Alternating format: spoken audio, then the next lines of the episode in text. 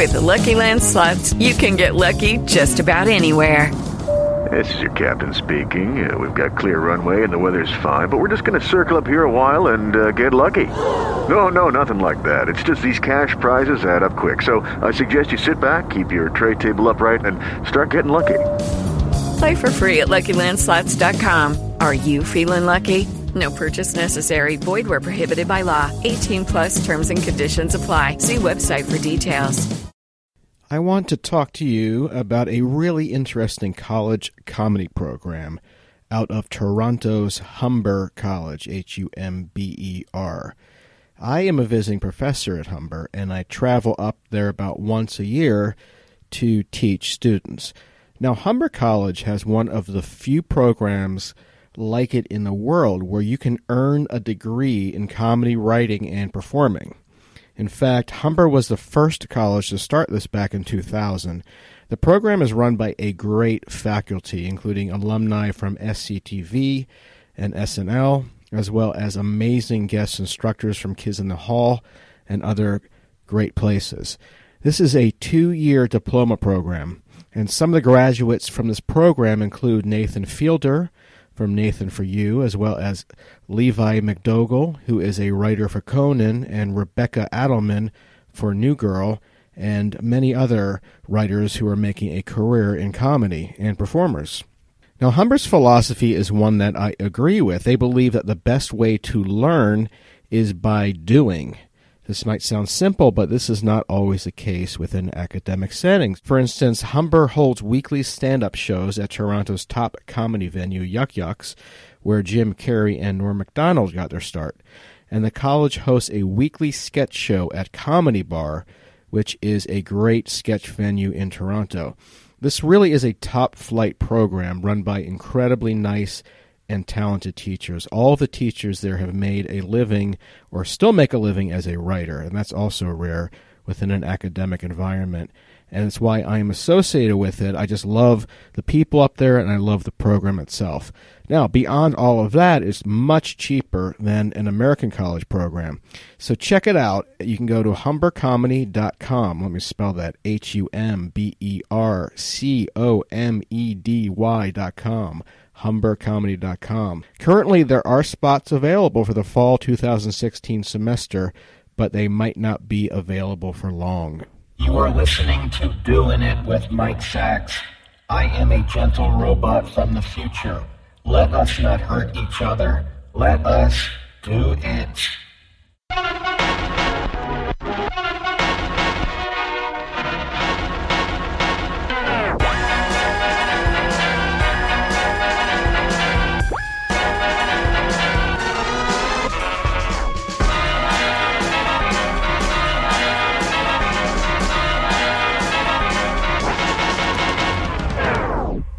Hi, I'm Aaron Carter. Thanks so much for checking out these songs from my new album. I'm so excited to be on the same label as my brother Nick from the Backstreet Boys, and I really hope you like my music. I may be only 12, but I've already spent a lot of time in the studio and on the road too. Maybe you saw me last year on the Nickelodeon All That tour, or opening for my brother. I toured all over the world. My first record sold over a million copies, and I think my new record is even better. Make sure you check out my website, www.aaron-carter.com, to hear sneak previews of all the cool tunes. You can email me there and let me know what you think. Thanks for listening.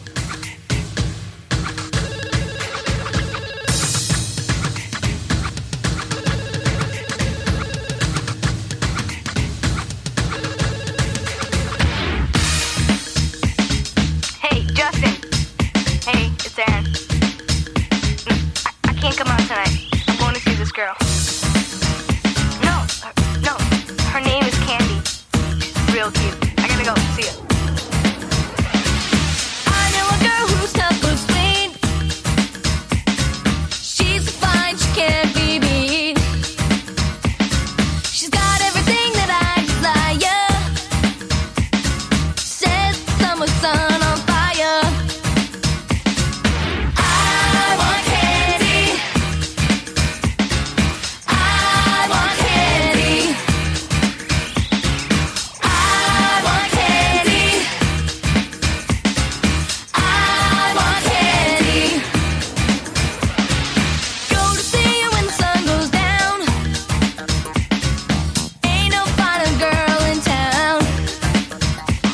Have I seen you before? Oh, yes. Many times. Many times? Many times.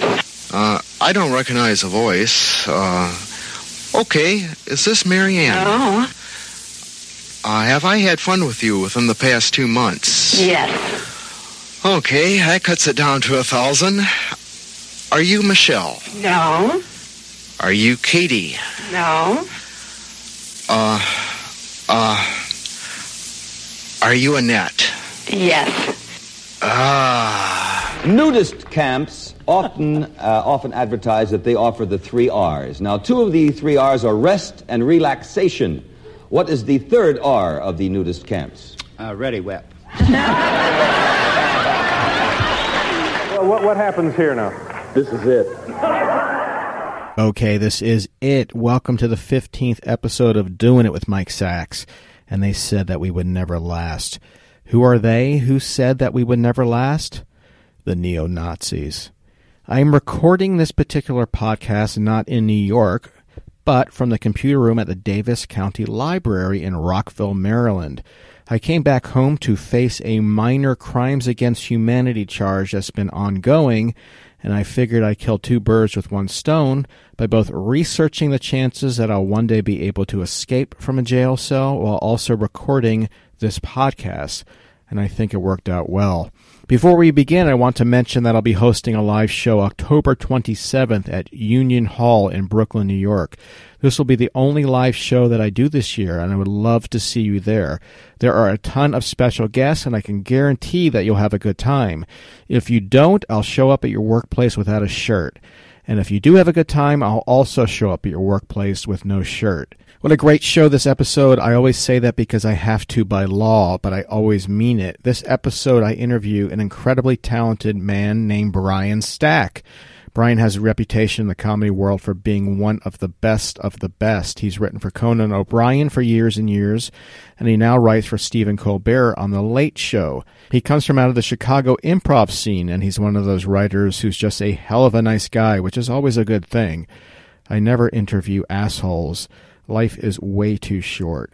Brian Stack, one of my favorites. But before that, it's time for the babbling segment. We haven't done this in a while, and I'm happy to be back to it. I'd like to play for you now two of my favorite babbling excerpts. First up is Larry King babbling, and then Colonel Sanders babbling. This is the real Colonel Sanders, not the fake Colonel Sanders I've been seeing on TV recently. Both of these are authentic. One more question. I'm a student of print journalism, and I just wanted to know uh, what advice do you have for uh, uh, young people coming up into the field? Like, I a lot of uh, for prof- professors are telling us how hard it is to get into the field at first. I'd just like to know, since you're in the field, do you have any advice on that? For instance, experience is that important? Uh huh. Sure. Is that, is that probably the most important uh, element? Well, it's way up there. It's way up there. Anything? Anything else? Anything you can do? Pressure under fire. Mm-hmm. Done this before. I don't want it to be his first uh, surgery. Okay. Applied himself well. Mm-hmm. These are things I'd have confidence in a young MD. Okay. I'm talking about journalism field. I'm lost. What do you mean? The journalism, like I'm a student of journalism at a college, and I was just wondering the most important aspect of getting into journalism, not the medical field. I think you're exhausted from 30 nights. I am exhausted from 30 nights. No, no person, even those of us who are superhuman, those of us with uh, Herculean appetites for the diverse and the bizarre, even those of us who uh, have shown an aptitude to uh, to uh, uh, fight the good fight and stay the good long battle, even those of us can get tired. And your boy is tired after 30 consecutive nights. I have a half hour to go, and I'm going to do that half hour because I'm a pro. That's what pros do. I'm a professional. Look it up in the book. Okay. That's what we do. We're pros. We're never rude. We don't cop out. We don't tell you that we're ill or that we're looking for the farmhouse in the middle of the desert that we're parched. We don't tell you that maybe the check didn't come through this month, and where the hell does it go anyway if you're a guy who's left 16 forwarding addresses? Okay. So what do you do? What is the answer? Yeah, you're a little perturbed now. Kind of worried about the club. The club? Uh, don't worry about the club. Worry about maybe Jack. You might worry. nah, don't worry. Okay, just cool it. Life is a breeze. Of course, some breezes, as you know, are 110 miles an hour and get promoted up to hurricanes. I just thought I'd pass that along. We're, speaking of pass it along, we're going to pass along now to the newsroom, the Mutual Newsroom, high atop the overlooking downtown, beautiful downtown studios of Washington, Virginia, Washington, D.C. The Mutual Newsroom will get us up to date on the news headlines, and we'll come back with a little more open phone America. We'll have our salute to my man, Duke Zeibert, by taking him to uh, one of his favorite places, one of mine, too, the town of Cooperstown, New York.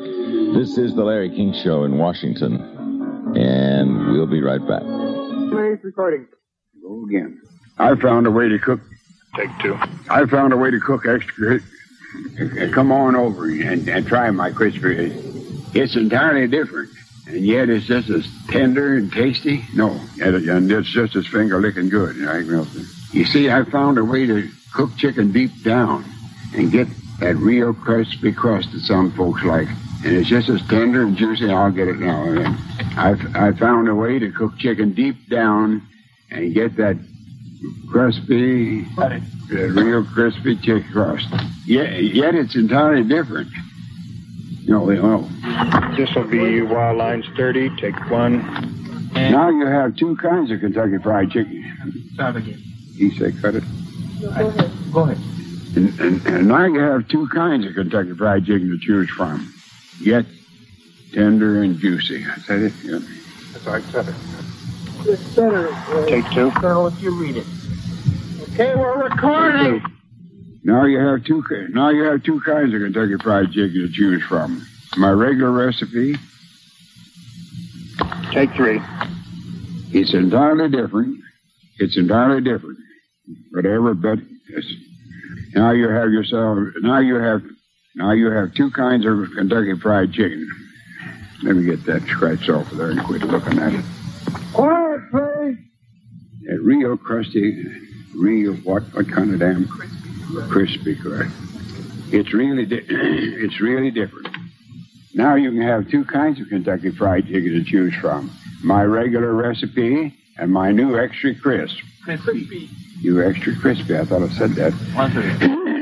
Now you have two kinds of Kentucky Fried Chicken to choose from. It. It's entirely different.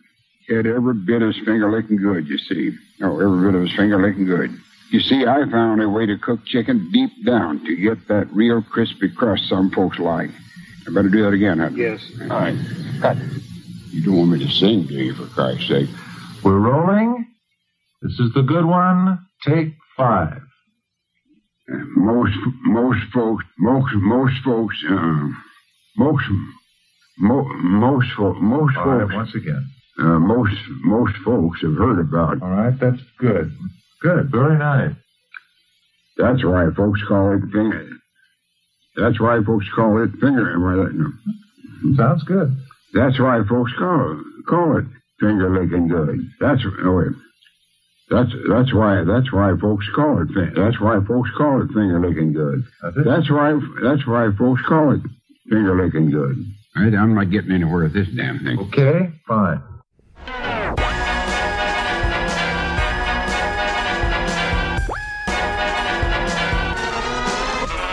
Okay, I'm very, very happy to announce that this podcast has a new sponsor called Sitrana, S I T R A N A. They make gorgeous, gorgeous leather shoes. These guys have been designing and building these leather shoes in their workshop, a small workshop based in Santiago, Chile since 2010. And they now have a brand new showroom and store in Williamsburg, Brooklyn. I recently visited the store. I'm a huge fan of shoes. The store is beautiful, as is their footwear. In fact, I'm wearing a pair right now. I promise you, these shoes are almost like works of art. Check it out. And even more exciting than that, listeners of this podcast get 10% off online if you buy shoes at sitrana.com, S-I-T-R-A-N-A.com. Or even more fun, you can visit them in store and just announce out loud that you're doing it with Mike Sacks. You'll get 10% off. You won't be arrested. You will get 10% off. If you don't want to do that, go to their website, sitrana.com, and type in the code D-O-I-N-I-T, and you'll still get 10% off. That's an amazing deal. Sitrana carries limited stock and can also take orders to build shoes especially for you. That's Sitrana, S-I-T-R-A-N-A, at sitrana.com. I never promote anything that I don't love, and I guarantee you that you will also love these shoes. Brian Stack is a veteran on the comedy writing scene, having written for years and years for Conan O'Brien. And if you write for Conan O'Brien, you have to be a writer's writer. Conan does not hire and keep writers for years who don't know what they're doing and who aren't at the top, top level. Brian got a start in the Chicago improv world, working in the same scene that launched the careers of Chris Farley, Tina Fey, and Stephen Colbert, among many others. Last year, Brian moved from Los Angeles to New York to begin writing for The Late Show. I'm a big fan of his work. The characters he's created over the years include The Interrupter, Hannigan the Traveling Salesman, God, and Gandalf. Now, name me another writer or actor who's created and played such a variety of roles. Brian and I talked recently by phone. So, how has your transition been from you, you used to live in New York when you wrote for Conan for late night? How has it been uh, since you came back to write for Stephen? Well, it, it's it's been a real interesting challenge, you know. To, the, the people have been great. You know, I, I really do miss my friends at Conan a lot, and Conan included. Um, but uh, the people have been great at the new show. We we felt a real family pull back to New York because both my daughters were born there, and um, we've been feeling it for a while. And I never had a real desire to leave Conan. It was more like a case of um, we were feeling the family pull, and I and I had always been such a huge admirer of Stephen going back to the old Chicago improv days. You know, he was always one of the guys I admired most um, when when I was starting out in Chicago, and um, you know, it was crazy the the people that you saw as the local entertainment back then. It's just mind boggling. But um, we it's been uh, an interesting challenge in, in some ways because the show, especially being in an election year, is, is um, more political than I was ever used to in terms of subject matter. But that's been an interesting challenge for me, you know, uh, since I'm a little more suited to writing kind of silly, apolitical stuff. Um, but uh, I, you know, I really like the people a lot, and and um, they were great about being very welcoming to me, and they said, you know, if it's okay with Conan, you know, we'd love to have you come, and and I talked to Conan about it, and he couldn't have been nicer, and he totally understood that I'd been feeling the the family pull back to New York, and plus he and Stephen are are friends, which which helped too. Um, so, because I just wouldn't have done it if it wasn't okay, and and Stephen wouldn't have wanted me to come over if it wasn't okay with Conan, and um, so I'm grateful that you know I had his blessing in doing that, and uh, I do miss a lot of you know some of the majority of people I came up with in Chicago and people I worked with in New York all live in LA now. So I do miss seeing them a little more regularly. You know, you go over to someone's backyard barbecue and just see it's kind of like a Chicago reunion every time you did that, um, or a New York reunion. And almost all the people I knew at UCB New York uh, are all in LA now. Almost all of them. I'd say ninety percent. And so I do miss seeing them. Like I was reminded of that last weekend. My wife Miriam and I went by and did a couple shows at the Del Close Marathon, and a bunch of people had come into town, like Matt Walsh and Amy Poehler and all them. And it's uh, it was just a reminder that they most of them are in LA most of the time nowadays. You know, so I do miss seeing them more regularly. But uh, but it's been nice being back in our old neighborhood, you know, in Sleepy Hollow, and um, we had been feeling that family pull for a while to come back. Yeah, when I heard about it, I was excited because no one comes back to New York. Everyone's going out west. That's really true, and uh, and I understand that, that there's there's a lot to like out there, and I think it gets it gets a bit of a bad rap, like as just a showbiz town, uh, you know, just the film and TV, just this big behemoth, which it is in many ways. But there's also this really cool local theater scene, and there's a lot of cool alternative comedy rooms. And you go over to a place like Meltdown Comics or UCB or iOS, and there's all kinds of cool little fun shows going on with really great people. So there's a really great community out there that um, that I think has developed.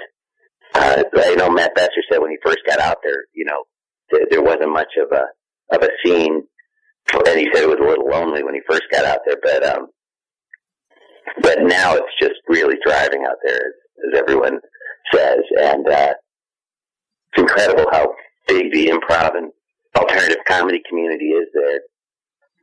Is do you think comedy is affected by location? Do you think that being in LA brings out a different sensibility, a different style of writing and performing than it does in New York? That's a really good question, and I've thought about that a lot. I think, I think one thing that I have noticed that it's it's it's a bit different than it was in Chicago. Uh, but the fact that New York and LA are both, in some ways, you know, industry towns, you know, with um, you know, big chunks of the entertainment industry happening in each of them.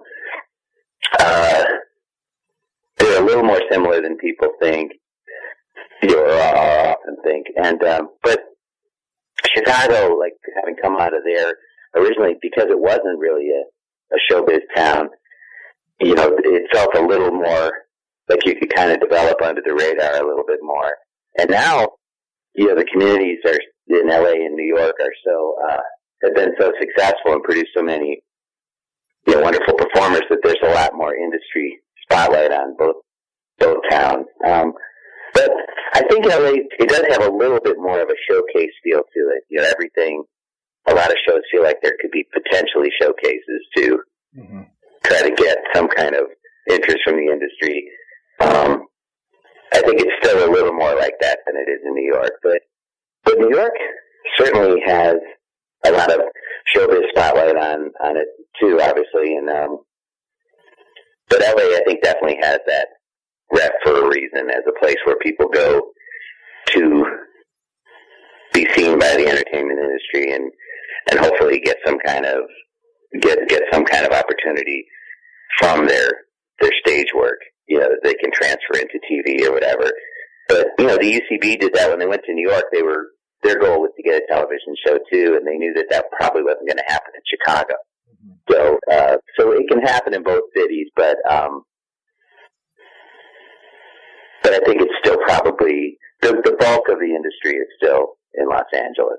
I wonder if it matters too where you end up as much as where you originally come from. Because I do think that coming either from Nebraska, like Dick Cavett did, or Johnny Carson, or coming from the South or the Midwest, I think that plays more into it than where you eventually end up as an adult anyway. I, I totally agree. I think that there's a there's a kind of Midwestern sensibility, or or uh, like for for example, the fact that Stephen came from Charleston, South Carolina, and has a kind of Southern gentlemanly quality to him that he'll never really lose. You know, um, or Jack McBrayer coming from Georgia, you know, and, and he says sir and ma'am to everyone, you know, and um, that comes through in your work. I think where you're from really does uh, show in your work, even if you lose your accent. You know, like people still kind of sense that there's uh, you never fully get the place you grew up out of you. Um, it, at least it seems like that to me. Yeah. Well, how do you think the Midwest plays in your comedic sensibility? You come from Illinois area. Eventually, you, you how old were you when you moved there?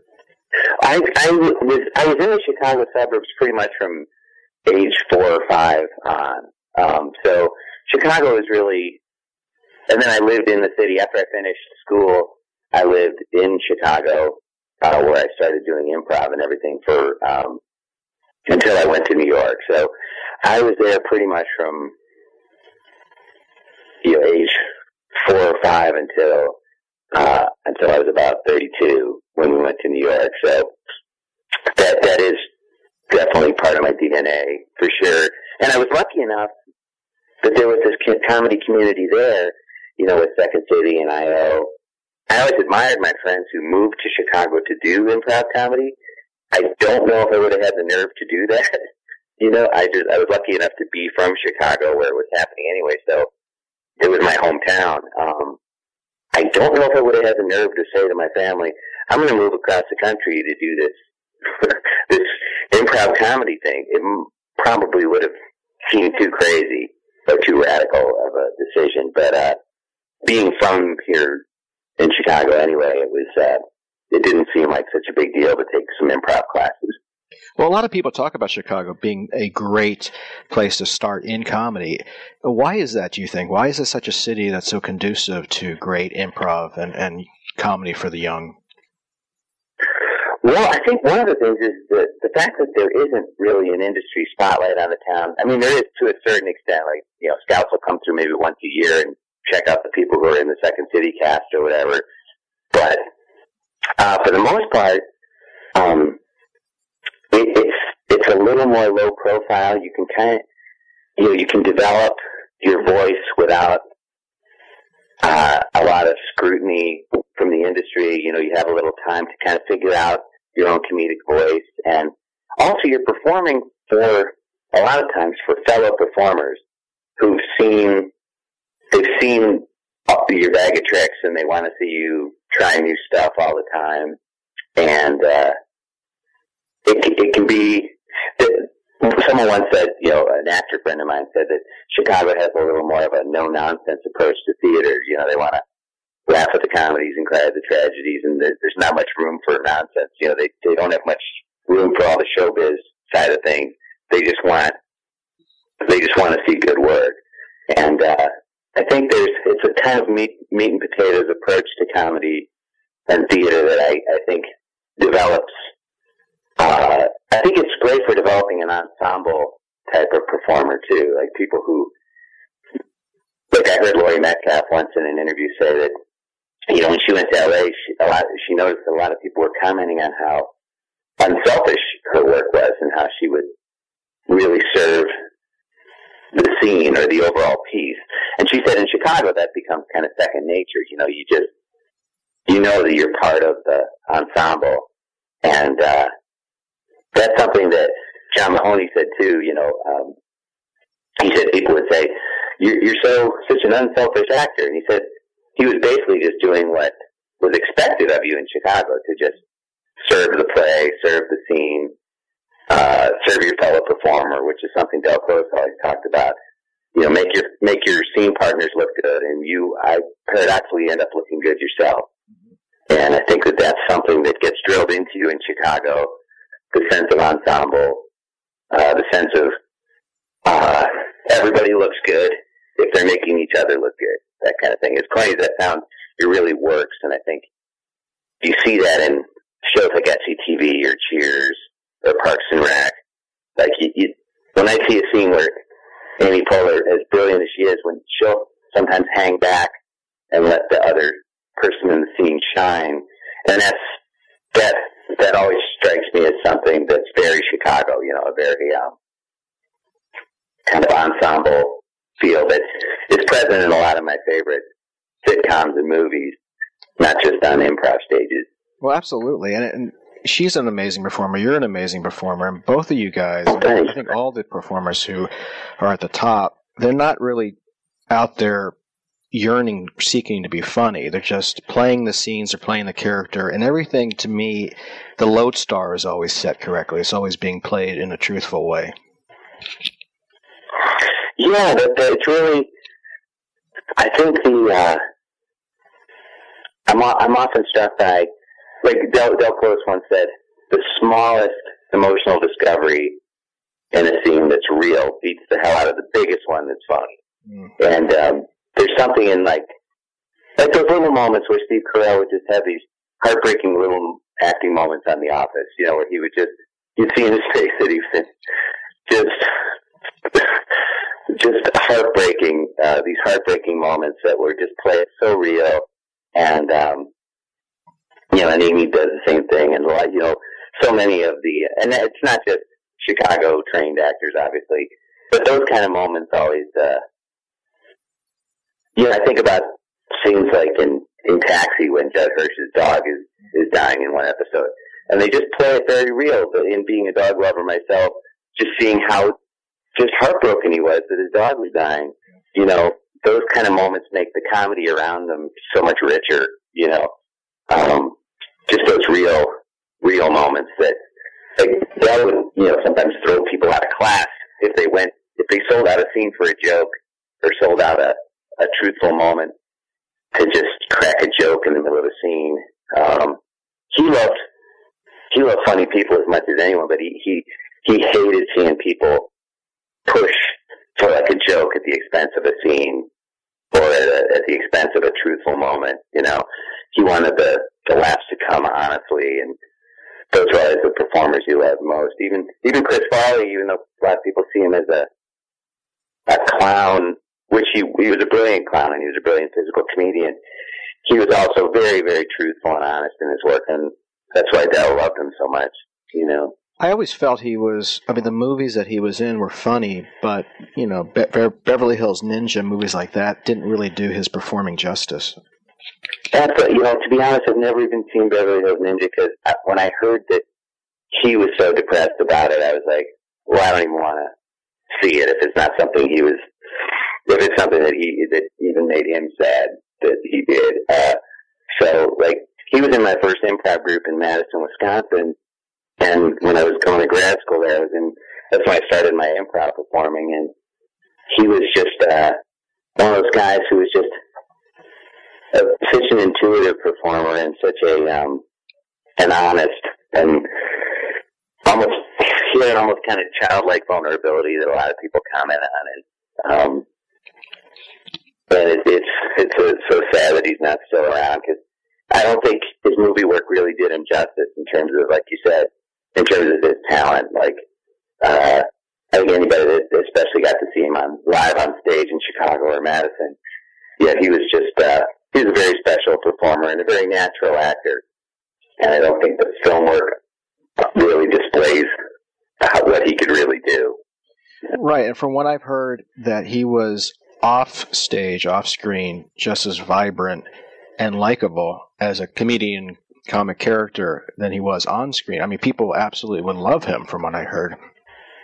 Yeah, he was a really he was a really big hearted guy. You know, he he certainly had his demons and everything, uh, but but they were almost always directed inward. You know, at, at himself. Like he he was always struggling with um with his own personal demons. But in terms of other people, he was he had a very big heart and he was very generous with his spirit. And never never felt threatened by other comedians. Just always wanted to be around them. He like Al Franken said in a on a TV thing I saw. He said Chris was the biggest fan of everybody else.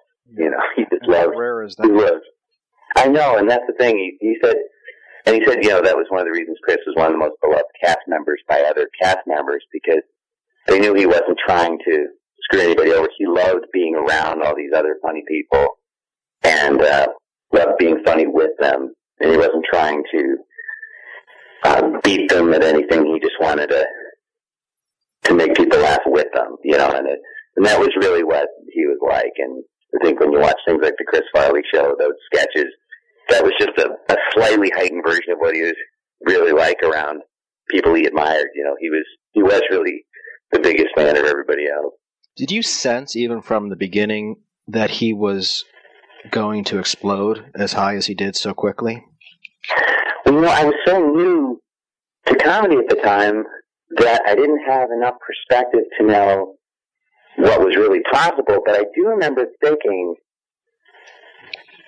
uh, is it just me or is this guy like one of the funniest people in the world? Like, and I would see that effect he would have on other people too. And I felt this a lot in Chicago too when I watched people like Carell or Colbert or Amy Poehler, you know, Tina Fey, these people. Um, yeah, I'd be thinking, well, I think these people are as funny as anyone working in movies. A lot, sometimes a lot funnier, but uh, I don't know enough about the business, or I mean, who am I to say? But that was certainly how we all felt about them. You know, watching them on these little stages. You know, you, you it was very obvious to us that they were very special. But you know, there's a lot of luck involved in the business, and that a lot of the great people don't get discovered and things like that. But I do remember thinking these people, Chris included, were certainly the among the funniest people I'd ever seen. you know, and I remember Chris making this couple laugh in a bar. We went out to a bar after a show once in Madison. He was making this middle-aged couple laughed so hard. And I remember the guy. This is really true, uh, believe it or not. The guy said, "What? You know, what's your name? I I've never laughed like this. What? It, what's your? name? I just want to remember your name." Wow. And um, so it was. Uh, that doesn't even sound like a real. I, I swear that's really that really happened, and uh, and I think he had that effect on people where it's just like this guy is really special. Like he, I don't think he necessarily thought he was going to become famous, but he just kind of wanted to remember this guy that made him laugh that hard. And I think he always had that effect on regular people long before he was famous. You know. And that's something you can't you can't teach. It really is. You know, I often think of that Billy Wilder quote about Audrey Hepburn. He said, "What Audrey had, you can't learn and you can't teach. God just touched her on her cheek, and there she was." And some people have that, just that gift. You know, they they are they are born with a kind of special quality that you can't you can't teach and you can't learn. I think people can get better, you know, and and develop their talents and hone their talents, of course.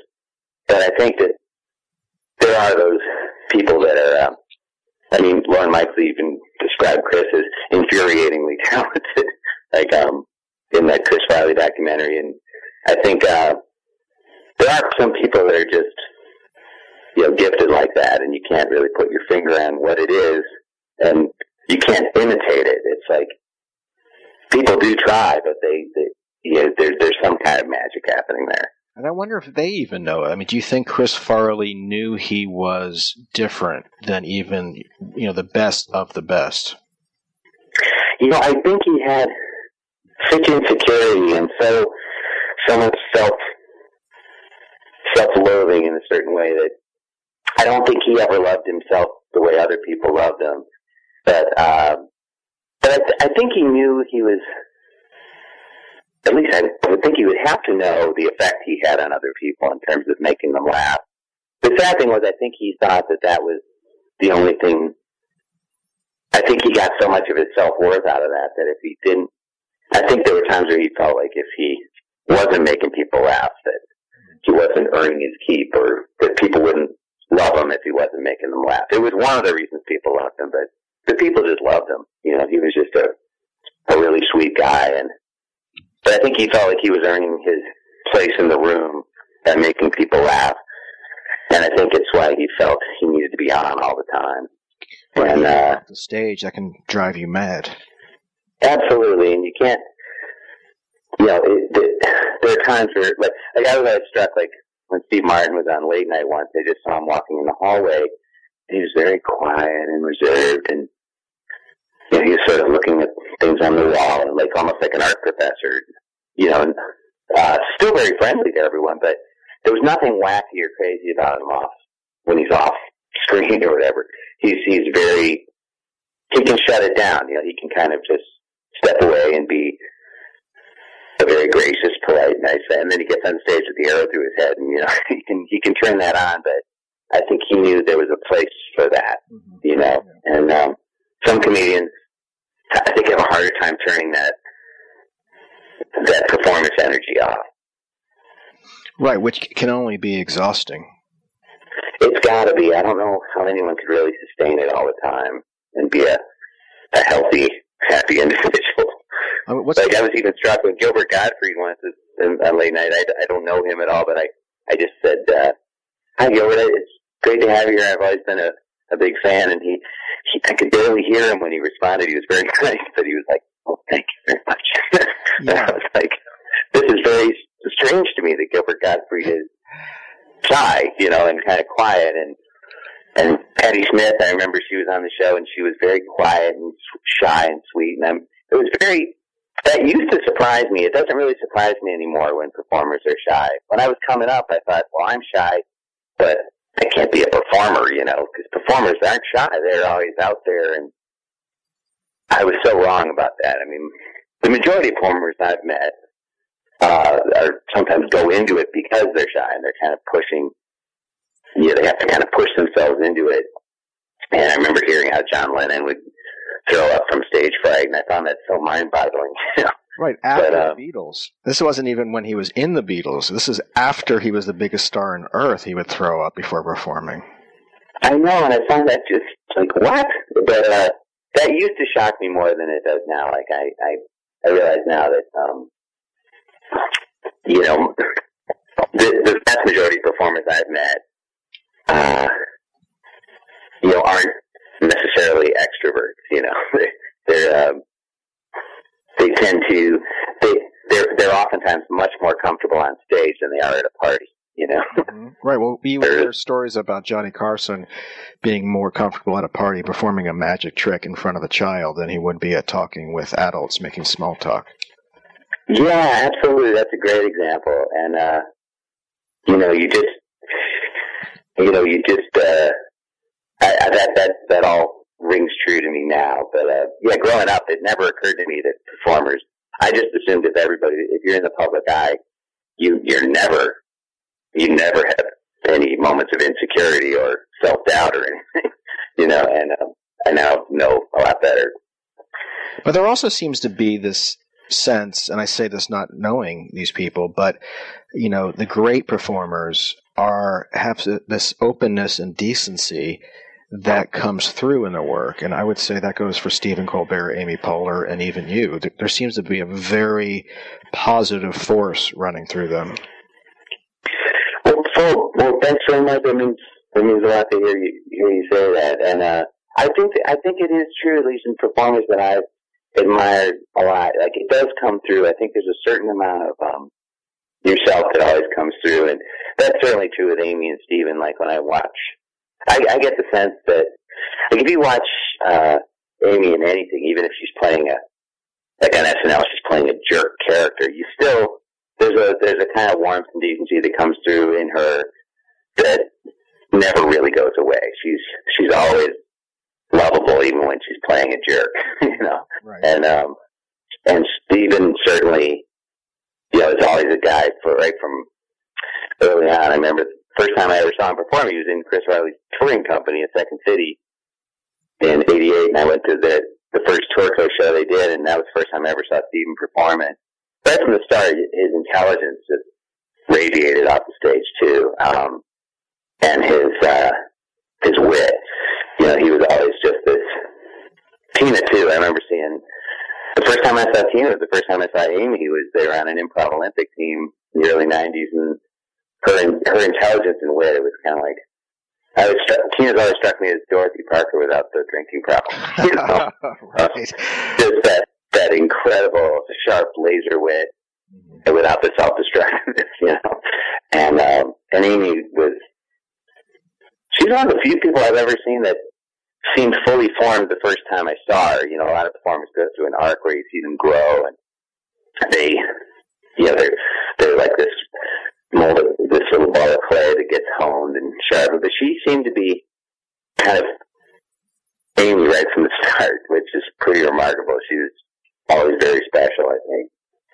Well, yeah, you, that's interesting. You mentioned intelligence because you can't be funny without being intelligent. And I think one thing you can learn um, in comedy or any anywhere else is that a lot of intelligence comes from knowing a lot about a lot, and a, a lot of that isn't about comedy. It's just about life and about nonfiction and about history and philosophy and that sort of thing. Yeah, I think I think having a well-rounded interest in the world is certainly very valuable, especially as an improviser and writer. Like I, uh, several years back, I actually wrote a letter to a professor I had had in college that I never actually had met in college. But I loved his class so much he taught about classes about um, Alexander the Great and the Greeks and things like that. And he his the stuff I learned in that class stayed with me and would come up and double up in improv scenes years later or you know, if I was writing a sketch about Socrates on Conan or whatever, and I just wrote to him saying, Hey, I just want to thank you. You know, your class not only was a lot of fun and really interesting to me, but I've actually used it in ways that I never expected to. And he wrote back, you know, he was really touched by it. It was, uh, and I'm glad I wrote it. I just felt compelled to write this guy I never even met. Um, but it was, I think that's really true. I think you, I think having a kind of my my mom used to say that my dad and I are treasuries of useless information. um, but but they, you know, uh, but it ends up a lot of the stuff you thought was going to be utterly useless ends up being quite useful in uh, in improv and in comedy writing. You know, it comes. It's certainly been useful in ways I never expected it to be. Yeah, I don't think anything's useless. I think if anything, uh, those in comedy should look where others aren't and look at so-called useless information rather than memorizing every episode of The Simpsons. I think by knowing a lot about a lot, it can only further your your comedy and your career. I totally agree, and I think that one of the reasons people love shows like The Simpsons is because the people who created it uh, had a vast, you know, knowledge of a wide range of topics that informed their own writing and their own uh, thoughts. I mean, you watch an episode like the one, one of Conan's uh, classics that he wrote, Marge and the Monorail, you know, and all his references to the Music Man and to, uh, you know, Flim Flam con men who would come through town and you know, so much of that is just from Conan loving old showbiz stuff or um you know, references to things and uh you know Conan's love of history and like when he did that nineteenth century rules baseball remote, which is still one of my favorites, you know. So much of that, just him getting to be a nineteenth century guy you know, and having so much fun. And that wouldn't have been possible if he hadn't had a love of history and a love of the Civil War and, you know, all that, all that trivia, you know, it, it just, it ends up being useful in ways you just never expected. Well, exactly, and you can see it in your work too, specifically Hannigan the Traveling Salesman. This is a character from another time, not just the way he speaks, but almost his verbal dexterity and the, the melody in his voice. You just, you don't see that anymore. And I imagine that a lot of Conan viewers hadn't seen that before you performed that, but fell in love with it. Oh, thanks so much. That was always one of my favorite characters to do. And um, I remember that the idea of a salesman character was originally suggested by Andrew Weinberg, who was one of our writers, and he said, "How about you know Stack Blade's just a a salesman who comes around selling jokes?" And um, I ended up writing it with with him and, and Michael Coleman. Um, and uh, it, I think when I developed the character in terms of actually how to play it, subconsciously it, it all came back to like things like William Powell and the old Thin Man movies, and you know all these things I grew up watching as a kid and loving. You know the old uh, sort of like you know that's all the my man Godfrey talk, way of talking. You know, right? and um, just from those old movies, it had soaked into my brain, and um, yeah, those are those things that just become part of your DNA and come out in your characters. And uh, like Keith Richards said, you know, if you're a musician, you know, everything you've ever heard comes out in what you play.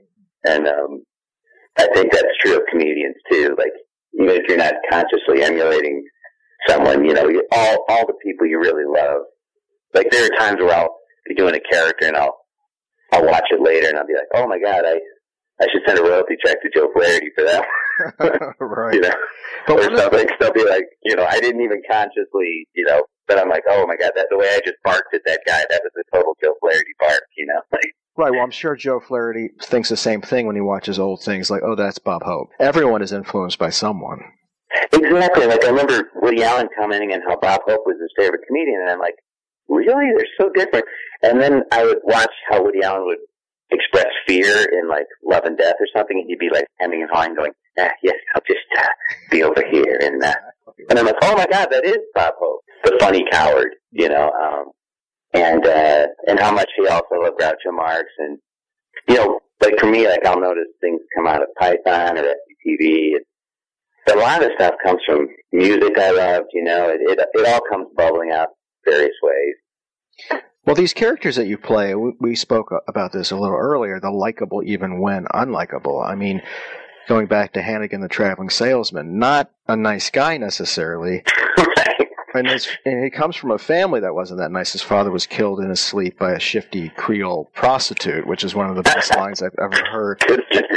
But these are they're really likable, and that balance between unlikable and likable and sad and funny is a very thin line, but you really nail it. Where does that come from? That that that that line between the sad and the funny. That's a good question. I I think so much of the comedy I love that I've always loved has had that kind of maybe it's the Irish blood or something, uh, the the kind of melancholy side of things. But uh, like I've always loved. um One reason I've always loved bands like The Replacements or uh, you know whatever is that mixture of you know they they can make you laugh and then break your heart in the same line. You know, and um like you listen to a song like Unsatisfied, and it's just, or, uh, you know, just some of the funniest songs, like, you know, just a line like in their song I Will Dare, where he says, uh, ain't lost yet, so I gotta be a winner. Bacon and cigarettes, a lousy dinner. you know? So it's like, so he's being optimistic, but he, his life really isn't that good. Right. And, um, gonna write a song like "Here Comes a Regular," which is like you know he's lived that life. Oh, exactly. And I think that, uh, I think it's that kind of, um, mixture of funny and sad that I've always responded to in shows like The Office or Cheers or Party Down or in Billy Wilder movies or, um, in my favorite music, you know, it's just that, um, like in a movie like Grosse Pointe Blank, you know, where John Cusack goes to his father's grave, pulls out a bottle of whiskey, pours it on the grave, drops the bottle, and walks away. And that tells you everything you need to know about the relationship he had with his dad. You they don't have to say anything else, and that's in a comedy, you know. And those those kind of moments, I think, you know, really hit home with me. And I think that, um, I think also just the fact that, you know, I try to be generally positive, but I, like most comedians, you know, struggle with, you know, insecurity and self-loathing and all that stuff. So in a way, it's a way of like processing those feelings by just putting them in a character, just a character who, um, you know, has this dark stuff happening, but he's trying to push through and be positive. I'm going to sell this thing. I'm going to sell this thing to you right now. But he's got all this backstory that um, isn't isn't so great. and um, but you know, the interrupter. I mean, the interrupter. You know, lived in a dumpster behind the Port Authority bus terminal, but he's staying really positive. You know, um, had he had seven different types of hepatitis. and uh, so I think it's like my way of dealing with stuff that you know scares me in life, and um, that's the reason I've always loved you know dark dark comedy. Uh, you know, sometimes uh, you know the the, the it's it's just a way of processing stuff stuff that would horrify me in life, dealing with it in an abstract way in a comedy sketch. It's or like when we did Wiki Bear at Conan last, you know, the last couple of years. That's in really sweet Wiki Bear voice. He's talking about like the Donner Party and man family, right? and it's uh, it's my way, I think, of dealing with stuff that horrifies me, um, and laughing about it because otherwise it's just too too much to take. You know. But I think too that what you just mentioned, whether Party Down, Cheers, Freaks or Geeks, uh, Billy Wilde, yeah, that's another. These are the characters, these are the stories that resonate and that don't feel dated even forty years past its prime. I mean, the, to me, these are the best characters, the ones that never go bad. That's absolutely true. I think those are the ones that.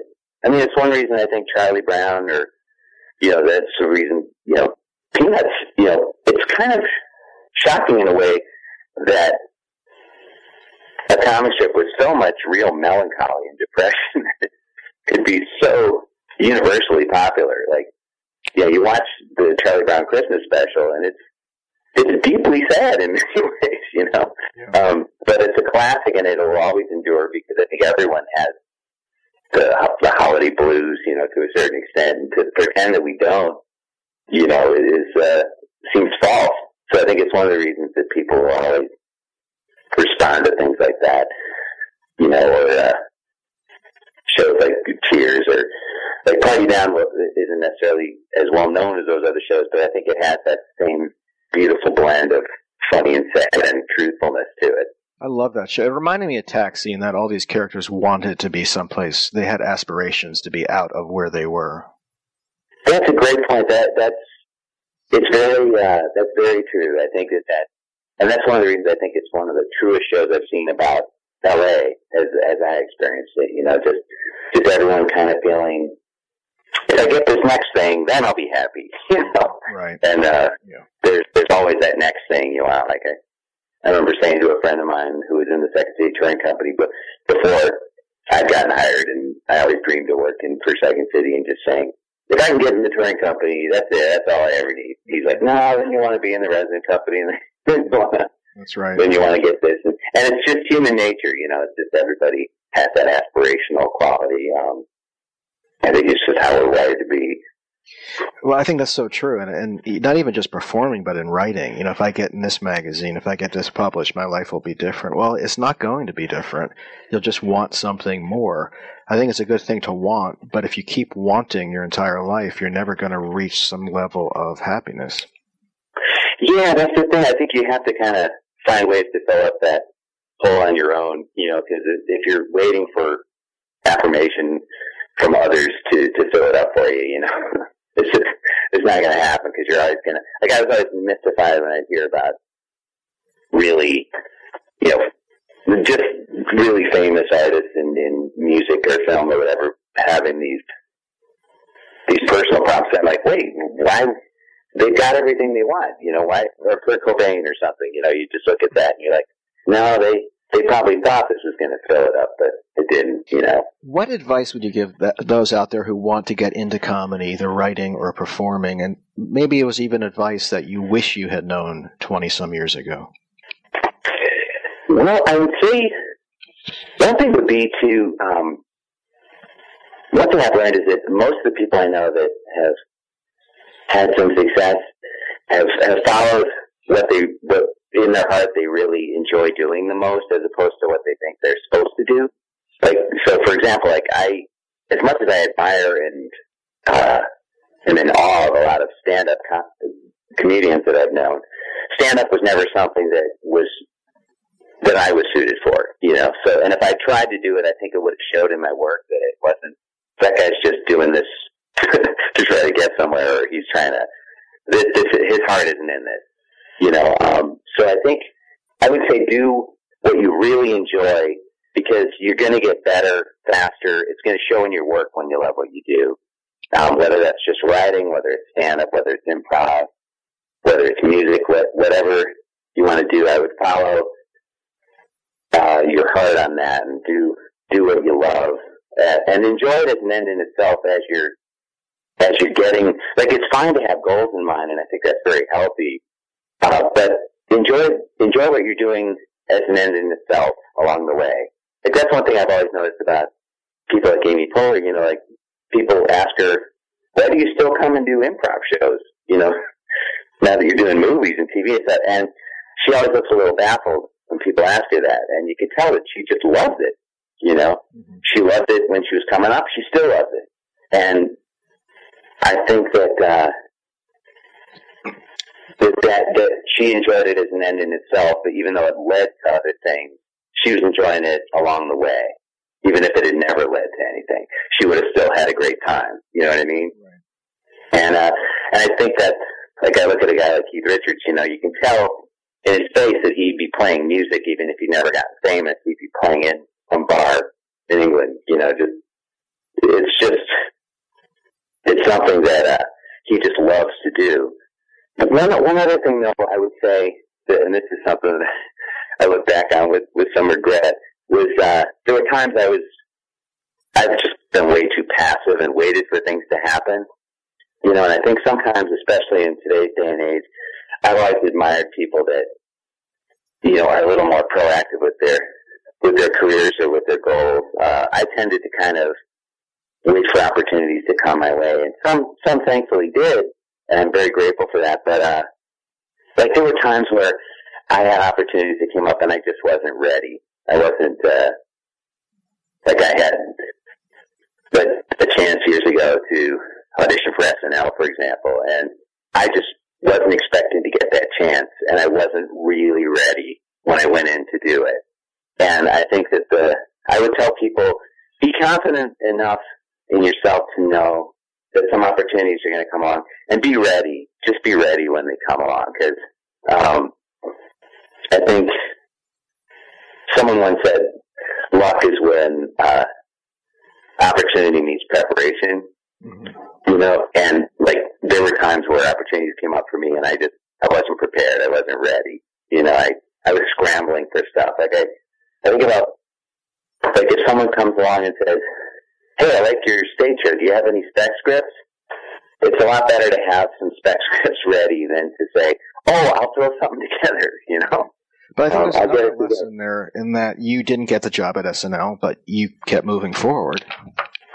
Yeah, I- you know, I look back on it and I'm uh, philosophical about it because it was uh, like for most of the people coming up with with me, uh, it was always kind of one of the big dream jobs. But I look back on it and I I've come to terms with the fact that it was probably for the best in my case because I think I'm a little more suited to being a little more low profile and being kind of a little more, you know, a, a little flying a little more under the radar. And I think being in a even though I've you know loved SNL like uh and you know had an incredible history and everything, I think in many ways I was more suited to a show like Conan or um Stephen show and just being kind of part of the ensemble and part of the background and uh, I think it suits me a little more. And um that's nothing against SNL or the people that have come up there and you know it's it's uh and its history and everything, but you know I think that you uh like I always think of of people like that I've heard about who were just when they got that chance to do that audition, they had they had uh three to five minutes of stuff they could do by themselves, two camera, band, presentational, you know, really strong material. And I would tell people if you think you want to be on a sketch show like that someday, just have stuff ready to go. You know, have stuff ready to do by yourself. I'd come out of ensemble work. You know, I I worked with other people all the time, and I didn't have stuff I could do by myself to camera. You know, I um, everything I did was was group group related stuff, and uh, you have to have something like that because those opportunities are going to come along, even if you don't dare to dream that they will. There, there are going to be times where you get a shot at something like that. And um, if it's what you want, just just be ready for it. You know, that's that's one piece of advice I'd give that was like kind of uh, hard learned, but I'm I'm fine with the way it all worked out. And um, but I would say that that's something that I would tell young people is just to you know believe in yourself enough to be ready for some opportunities because they may come up, you know, when you least expect them. That's right. What what was it that you performed that didn't go over so well at, at the SNL audition? Oh, you know, it went fine, but it was it was a little bit. It, it was clearly not like I did. I did like a, a sh- like a Sean Connery thing that went fine, and you know, it, it went. They were they were nice, and they they seemed to um, like it fine, but it was it wasn't it wasn't like a performance level audition. Like you really want to go in there with stuff where it's like. Um, like they wanted a political impression, and I, I, uh, I tried to kind of do a Ted Kennedy thing that was kind of half written, and I sounded more like Mayor Quimby from The Simpsons. you know, but they were nice. It went fine. It wasn't like a disaster or anything, but it wasn't. It didn't. It wasn't going to wow anybody, and I and I clearly hadn't scripted it out very well, and it you know it would dribble off in places because I didn't really have an ending to things. You know, it wasn't a presentational audition, and you really need to, uh, you know, you need to have something that you can just go bang. And uh, that's what, like for example, like I heard Will Ferrell, he did a sketch that he'd done at the Groundlings. It was a one man sketch to get off get off the shed. Wow, my sketch. I don't know if you remember. It was one of his. That was his first sketch on the show, I think. Yeah, and it was hilarious, and it was something he had done at the Groundlings, and it was a sketch that you could do by yourself, and it was really funny, and it showcased his talent, and it also had an ending and a beginning and, and a middle, and it's it's a perfect audition sketch to do, and there's a reason why it ended up on the show because it was so funny. Um, so that's I think you have to have stuff like that that you can do at an audition. But they haven't seen you do anything else really, except maybe the the scouts came through town and like the people that saw me in Chicago and asked me to come out had seen me in in that ensemble environment and like thought, thought they should fly me out. But ultimately, when you go out there, it's just you. It's, it's got to be able to do something. Like Jimmy Fallon, I heard did a celebrity walkathon, which is a brilliant, brilliant idea. If you're an impressionist, you know, just go out there. You can do like ten to fifteen impressions, bam, bam, bam, in like three to five minutes, and that's a perfect way to showcase yourself. You gotta, you gotta be able to, you know, make make that impression in like five minutes, and you only have five minutes, but don't you don't, don't have stuff that dribbles off and like seems half baked. You know, just have something ready to go that you that is almost an air quality sketch, ideally, like with Will Ferrell did with the Get Off Your Shed, Get Off the Shed. You know, that's um that's an ideal audition piece, and if you can have if you have stuff like that, that's that's what you want to do. Yeah, you have to be lucky, but you have to be ready for the main chance. That's it. Like, you know, I remember hearing that. I don't know Donald Glover, but I remember hearing when they approached him, the 30 Rock people said, Hey, I really like your internet videos. Do you have any spec scripts? And he's like, Yep, here you go. And he had them ready to go. Here you go. These are written so he didn't have to scramble. He had them ready to go and they were funny and they were, they were honed and they were ready to read. And, um, you know, that's, that's ideally, I mean, not, not everybody's that prepared, but if you are, it can really be great for you, you know, because it's like you may not get that chance again, you know, or they may say uh, if you have one script, they're going to say, "You got a second one?"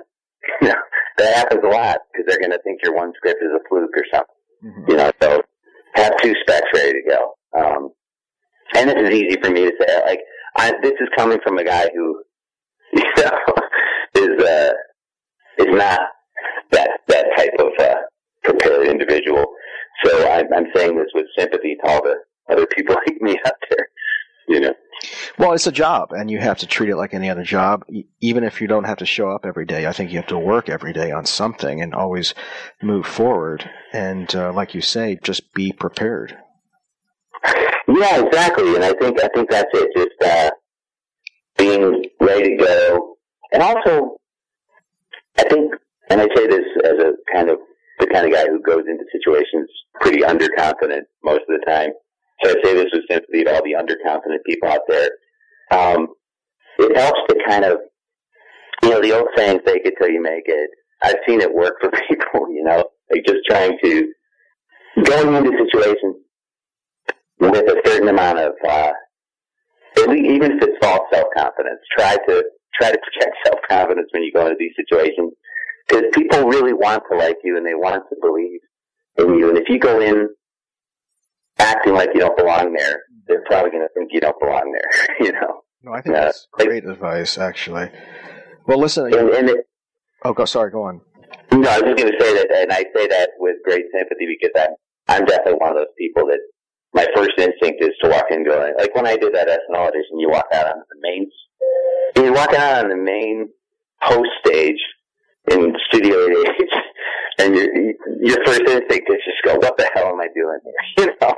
And what you want to project is, yeah, why, why shouldn't I be here?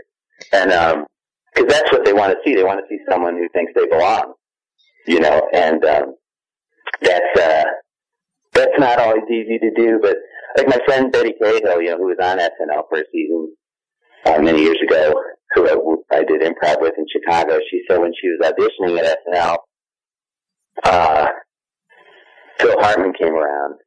I always wish I could have met him at least once, but she said she asked him, "Hey, you know, can I ask you if you were auditioning again, is there any piece of advice you'd give?" And he said, he said, we're all scared shitless and it's part of our job to pretend that we aren't. Yeah, And, that's so true. Yeah. and he said basically just go out there, use all your skills to just look like you aren't scared. Just go out there and just have fun. Go out there and just summon up everything in you to just have fun out there and just pretend you aren't scared. and he said, you know, he said, I, he said, we're all scared. And, uh, I thought that was really interesting advice. And he never seemed scared. But of course he was at times, you know? Yeah, and I, um, I think you're right. Even people who look like they've never been scared, everyone wonders, do I belong? Do I, should I be here? Do I belong where I am right now? And everyone probably thinks, no, I don't. But it's the, it's the pretending that you do, that you do belong. That's, that's key. I think so, and I think that uh, confidence often goes even further than talent. Like I've seen people in the business, we've all seen people that seem more confident than they are talented, and that that sometimes goes further than talented people that don't have confidence. Yeah. I think. I think so too. Yeah, uh, he kind of wonders with, with someone who has so much talent, why don't they recognize it? And at the same time, someone without talent, why do they think they have such great talent? I know I have a, a musician friend who's just one of the funniest people I know, John Worster, and Oh, I know John. He's a great guy. oh yeah, oh he's just one of the funniest people I've ever met, and also one of the best musicians uh, in the world. And he said, you know, all the best musicians think they suck. I think maybe that's the reason they keep pushing to to try new things, and maybe it's the reason that you know. But but I found that very interesting, and uh, and I think that's often true with comedians. You know, Uh, your work has meant a lot to me over the years. I think you're an amazing performer, and from what I can tell, just a great guy. And I think what you're doing is at the top level, and I really appreciate you giving me this much time. Well, it's my pleasure, Mike. Really, it's a it's an honor to be asked to, to talk to you, and I've loved your books, and I think your insights into comedy writing and the insights you've gotten from people you've talked to have been incredibly valuable. And uh, I think books like Poking a Dead Frog and I think will be valuable to comedy writers, you know, generations from now. That that stuff. I think a lot of that advice will be just as valuable years from now as it is today. That's really nice, Brian. I really appreciate you saying that, and um, keep up the great work.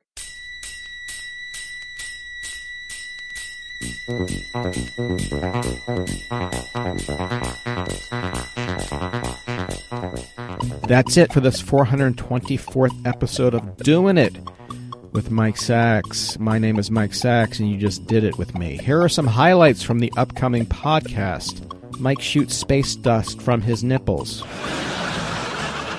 Mike joins Scientology and wears a jaunty sailor's cap to celebrate. Mike wets himself and then impishly winks. Mike blasts doo wop from his convertible in order to impress millennials. Mike carries a samurai sword around Disney World until he is told to stop. Mike dates a cheerleader named Chrissy from the Indoor Football League. Mike meets his idol, Jim Belushi, and they talk about the blues. Top 1000 Bikram yoga smells from worst to best. Mike buys a cock ring from Zales in Montgomery Mall.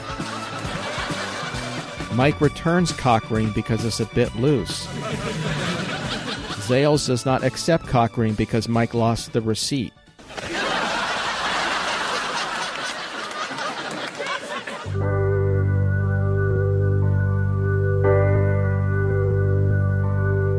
I appreciate you joining us. I really do. I look forward to seeing you all next week, especially you, that one who's listening to this podcast on the subway, the guy with his hands down his pants.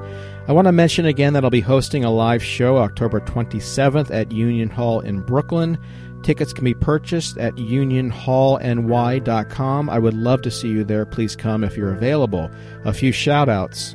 Brian Stack for sitting down and talking with me. Brian's work can be seen on The Late Show with Stephen Colbert every night or at his very funny Twitter site at Brian Stack153. Those are the numerals 153. Tyler Wall, Brian Huddell, Andrea Salenzi, Avery Edison, and Ben Hating for donating to our Patreon page. I'd like to thank Ian Goldstein for his help. You can reach Ian at his email, igold91, numerals 91, igold91 at gmail.com, or on his Twitter page at Ian Goldstein, yes. Sam Peach, I'd like to thank for his marketing and artistic skills. You can see Sam's incredible illustration work on Instagram and Twitter at at O Death Creative, and that's just the letter O and then Death Creative, one word. And on Facebook and Tumblr under O Death Creative. I'd like to thank Rob Schulte for once again producing, editing, and wrangling everything. You can reach Rob at robkschulte.com. Or you can listen to his great podcast, Pumpkin Spice Podcast, and you can find that on iTunes. You can reach me at mikesacks.com or at doingitwithmikesacks.com or on Twitter at doingitpod. Okay, you know what to do. God damn it, you humans. Keep your feet on the ground and keep doing it. Wake up! To think about having somebody turn the tables on you is always great if it's never been done. Well, I myself am not gay, and I don't think that Henry Rollins is gay. But if I were to be with a guy, I would want it to be with him. What makes Henry Rollins so erotic for me, I guess, is all his tattoos and muscles, and you know, I know he's an intelligent person, but I mean, he just appears like he wouldn't have a clue, like a big dumb rock. I think that's kind of sexy. He's exaggerated, like the exaggerated male. It's almost ridiculous how masculine he is. I'm perfect in every way. My fantasy about Henry Rollins starts out we're in a gymnasium together and I'm spotting for him and I'm holding his barbell. He's like staring at my crotch. And all these like thoughts are filling my mind about how like I want to be with him and I want to be just as big as he is and I want to have like huge muscles. Next thing I know, we're like moving into his house and I basically just become like this slave to Henry Rollins. He's always out on tour and stuff, and I'm always home. And whenever he gets back, I just do whatever he wants. And we go and get matching tattoos, and I get like this huge tattoo on my butt. It says property of Henry Rollins on it.